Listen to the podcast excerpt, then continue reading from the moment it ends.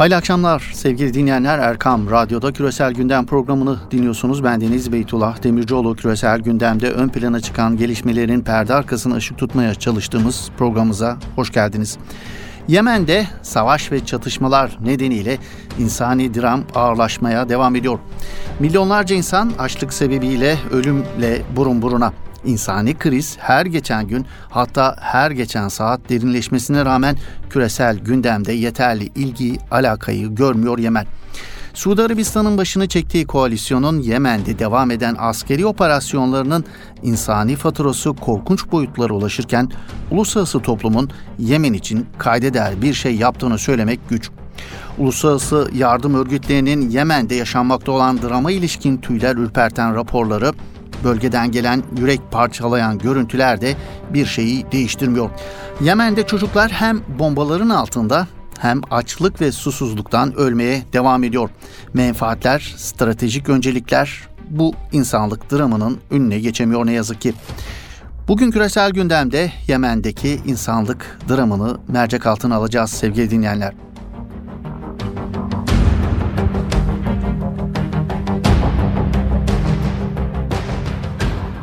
Yemen dosyamıza uluslararası yardım kuruluşlarının raporlarına yansıyan bilgilerle başlayalım isterseniz. Yemen'deki insanlık dramına ilişkin uluslararası yardım örgütlerinin raporlarına bakıldığında korkunç bir manzara ile karşılaşıyor sevgili dinleyenler. Uluslararası Sevdi Çıldır'ın yani Çocukları Koruyun örgütü Yemen'de 3 yıldır süren savaşta sadece yetersiz beslenme nedeniyle hayatını kaybeden 5 yaş altı çocukların sayısının yaklaşık 85 bin olacağını açıkladı. Birleşmiş Milletler de geçen ay yaptığı açıklamada yaklaşık 14 milyon Yemenlinin açlık tehlikesiyle karşı karşıya olduğunu, bunun da sürekli bir biçimde yükseldiğini belirtmişti. Ülkede 22 milyon kişi insani yardıma muhtaç durumda. Savaş ve Suudi Arabistan öncülüğündeki koalisyon güçlerinin uyguladığı abluka nedeniyle ülkede son 100 yılın en büyük gıda krizi yaşanıyor. Ülkenin en büyük liman kendi Hüdeyda isyancı Şii Husilerin elinde bulunuyor. Taraflar Hüdeyda'da geçen hafta sonu karşılıklı saldırıları durduracaklarını açıklamışlardı ancak bölgeden hala çatışma ve bombardıman haberleri geliyor. Savaştan önce Yemen'in gıda ithalatının %90'ı bu limandan yapılıyordu. Ticari ithalatın aylık bazda 55 bin metreküp ton azaldığına dikkat çeken Save Children bu miktarın 2.2 milyonu çocuk olmak üzere 4.4 milyon kişinin ihtiyaçlarına denk geldiğini belirtti. Artan gıda fiyatları ve ülke para biriminin değer kaybetmesi de giderek daha fazla ailenin yeterli gıdaya ulaşmasını engelliyor. Birleşmiş Milletler verilerine göre savaşta en az 6800 sivil hayatını kaybetti ve 10.700'den fazla sivil yaralandı. Ancak gerçek rakamların bunun çok daha ötesinde olduğu vurgulanıyor. İlaç sıkıntısının da yaşandığı ülkede 1.2 milyon kişinin de koleradan etkilendiği tahmin ediliyor. Ülke sivillerin hayatta kalması için gereken her şeyde gıdaya bağımlı ve şu anda ülkeye gıda, yakıt ve ilaç giremiyor sevgili dinleyenler.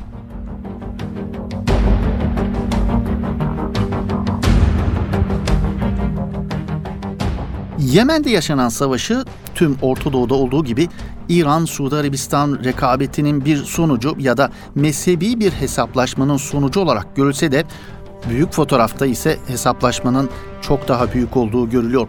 Aslında Yemen'de küresel bir hesaplaşma, bir paylaşım kavgası veriliyor denilebilir. Yemen'in küresel çapta bir hesaplaşmaya neden olmasının sebebi ise Yemen'in öneminden kaynaklanıyor. Yemen'in içinde bulunduğu coğrafya ona eşsiz bir stratejik konum kazandırmış durumda. Umman Denizi, Aden Körfezi ve Kızıldeniz gibi stratejik geçiş hatları üzerinde bulunan Yemen, kuzeyde Suudi Arabistan, Kuzeydoğu'da Umman ile sınır komşusu. Yaklaşık 30 milyonu bulan nüfusunun %99'u Müslüman. Bunun %60'ı Sünni, %40'ı da Zeydi olan Yemen'de kalan %1'lik kesim içinde Musevi, Hristiyan, Hindu gibi farklı dini azınlıklarda bulunuyor.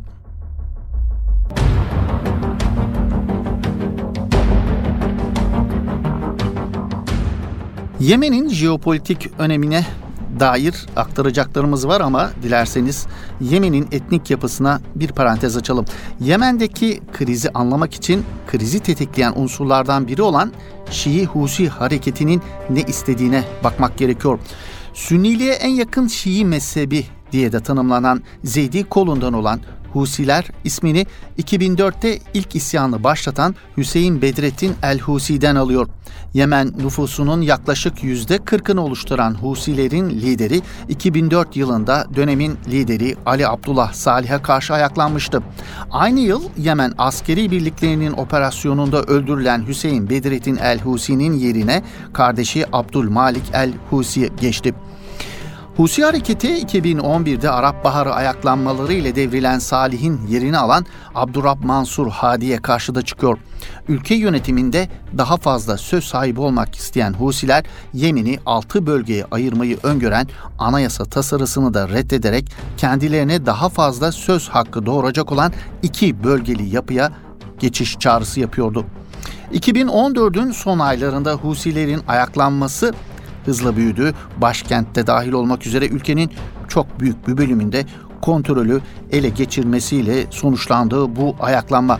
Devlet Başkanı Hadi'yi Batı yanlısı Amerikan piyonu olmakla suçlayarak görevden aldıklarını ilan eden Husiler parlamentoyu da feshedip bir devrim komitesi kurdu. Husi hükümeti uluslararası anlamda tanınmış değil. Birleşmiş Milletler Güvenlik Konseyi ülkenin meşru hükümetinin hala Abdurrab Mansur Hadi yönetimi olduğunu söylüyor.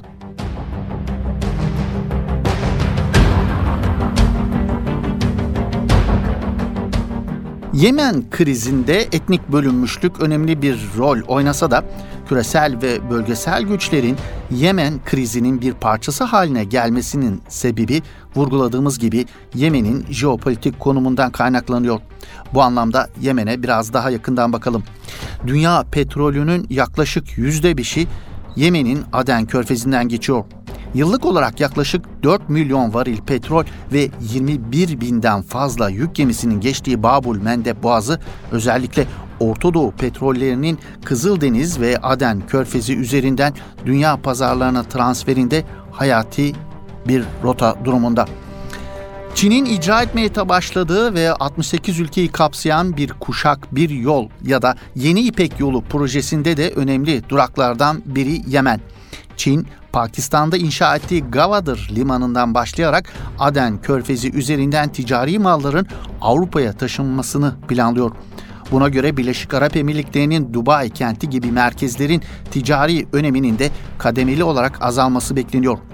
Birleşik Arap Emirlikleri'nin Yemen'in stratejik sahil noktalarını kendi kontrolü altına almaya çalışmasının sebebi işte bu yüzden.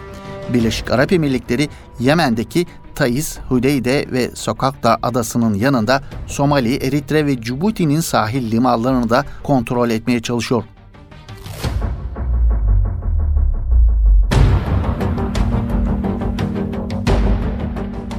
Yeni İpek yolunun inşası ABD açısından da mevcut ticari düzeni tehdit eden bir gelişme olarak görülüyor. Bu durum Yemen üzerinden yürütülen mücadelenin küresel, ticari ve ekonomik boyutlarını gündeme getiriyor. ABD'nin buradaki en yakın müttefikleri konumunda bulunan Suudi Arabistan ve Birleşik Arap Emirlikleri'nin 2018'in Temmuz ayında gerçekleşen Çin-Arap İşbirliği Konseyi'ne düşük profilli katılımları da bu noktada dikkat çekici bir gelişme olarak altı çiziliyor.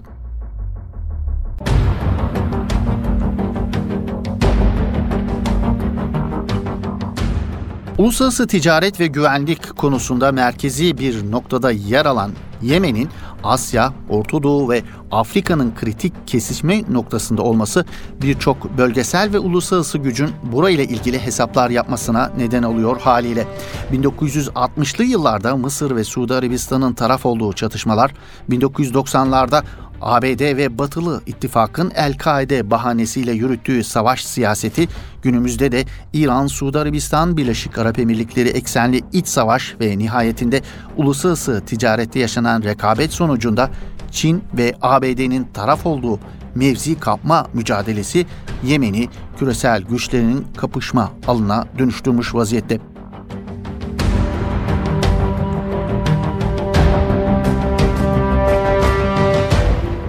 Yemen'deki bugünkü krizin kökeni aslında 2011'deki Arap Baharı ayaklanmalarına dayanıyor. O günden bu yana tedricen kaosa sürüklenen Yemen, 2015 yılından sonra ise kelimenin tam anlamıyla bir iç savaşı yaşamaya başladı. Ülkenin kuzeyindeki Şii Husi hareketi ülkenin batısının neredeyse tamamını ele geçirdi ve sonucunda uluslararası toplumun Cumhurbaşkanı olarak kabul ettiği Abdurrab Mansur Hadi ise ülkeden kaçmak zorunda kaldı. Suudi Arabistan ve Birleşik Arap Emirlikleri 27 Mart 2015'te 9 ülke ile birlikte meşru yönetimdeki Hadi hükümetine destek için hava operasyonları başlattı. Kararlılık fırtınası adı verilen bu saldırılar günümüze dek aralıksız olarak sürüyor sevgili dinleyenler.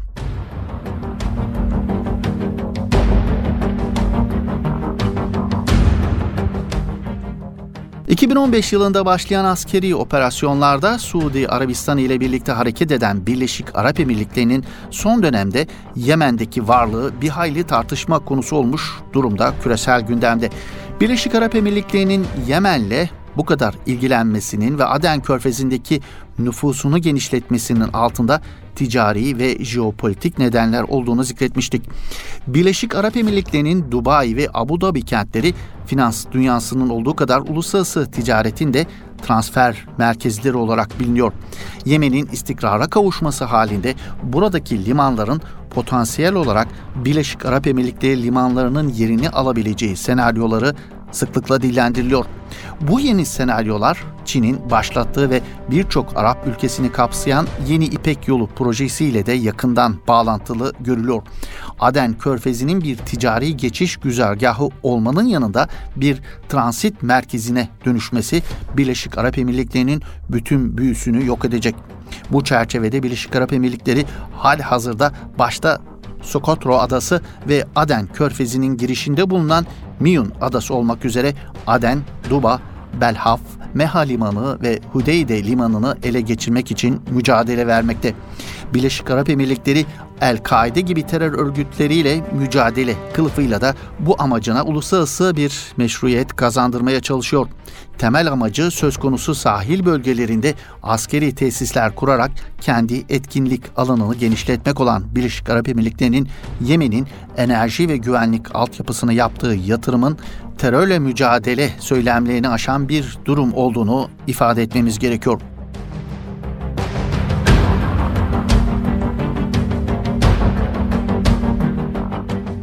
Evet Cemal Kaşıkçı hadisesine dönmek istiyoruz. Tekrardan Cemal Kaşıkçı cinayeti gündemdeki yerini koruyor. ABD Başkanı Donald Trump'ın CIA'nin istihbarat raporlarını inceledikten sonra yaptığı açıklamaların yankıları sürüyor. Suudi Veliaht Prens Muhammed Bin Selman'ın gazeteci Cemal Kaşıkçı'nın öldürülmesinden haberdar olsa bile Suudi Arabistan'ın ABD'nin sadık ortağı olmayı sürdüreceğini belirten Trump'a Amerikan medyasından çok ağır eleştiriler getiriliyor. Amerikan medyası Trump'ı gelmiş geçmiş en kötü sicilli başkan olarak lanse ederken Senato'da Trump'a katiller ve Riyad hakkında gerekli adımların atılması için ikinci defa mektup gönderdi. Son değerlendirmeleri sebebiyle Trump'ın gelebileceği en dip nokta olduğunu belirten ABD medyası harekete geçmezsek Kaçıkçı'nın öldürülmesi Amerika'nın ahlaki vicdanı üzerinde ne zamanın ne de Suudilerin sus payı için verdiği paranın silemeyeceği bir kan lekesi olarak kalacak diye de yazdı.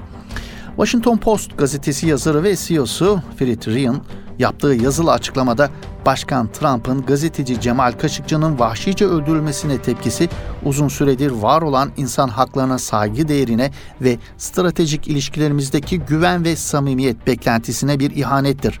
Trump, Suudi Arabistan Veliaht Prensi Muhammed Bin Selman ile işlerini normal bir şekilde devam ettirmek uğruna kişisel ilişkilerini ve ticari çıkarlarını Amerika'nın çıkarlarının üstüne koymaktadır görüşünü paylaştı.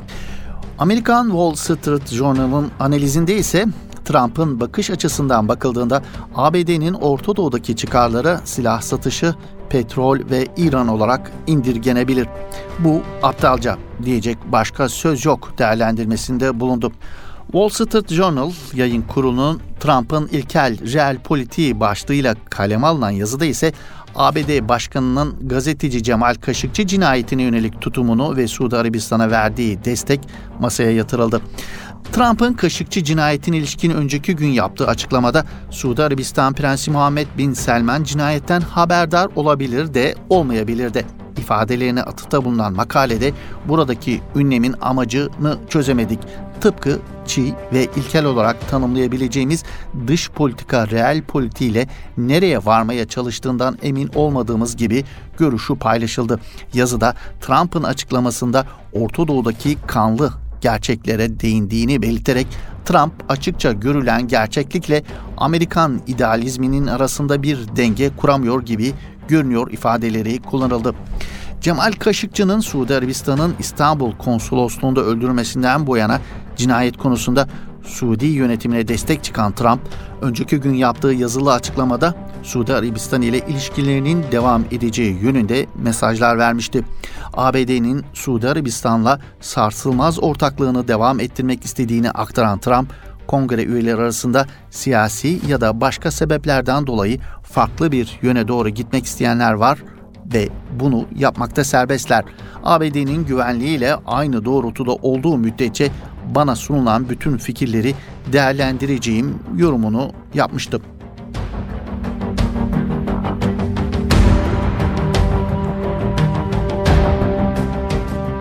Evet Amerikan medyasının Trump'a yönelik eleştirileriyle bugünkü küresel gündem programımızın böylelikle sonuna gelmiş bulunuyoruz sevgili dinleyenler.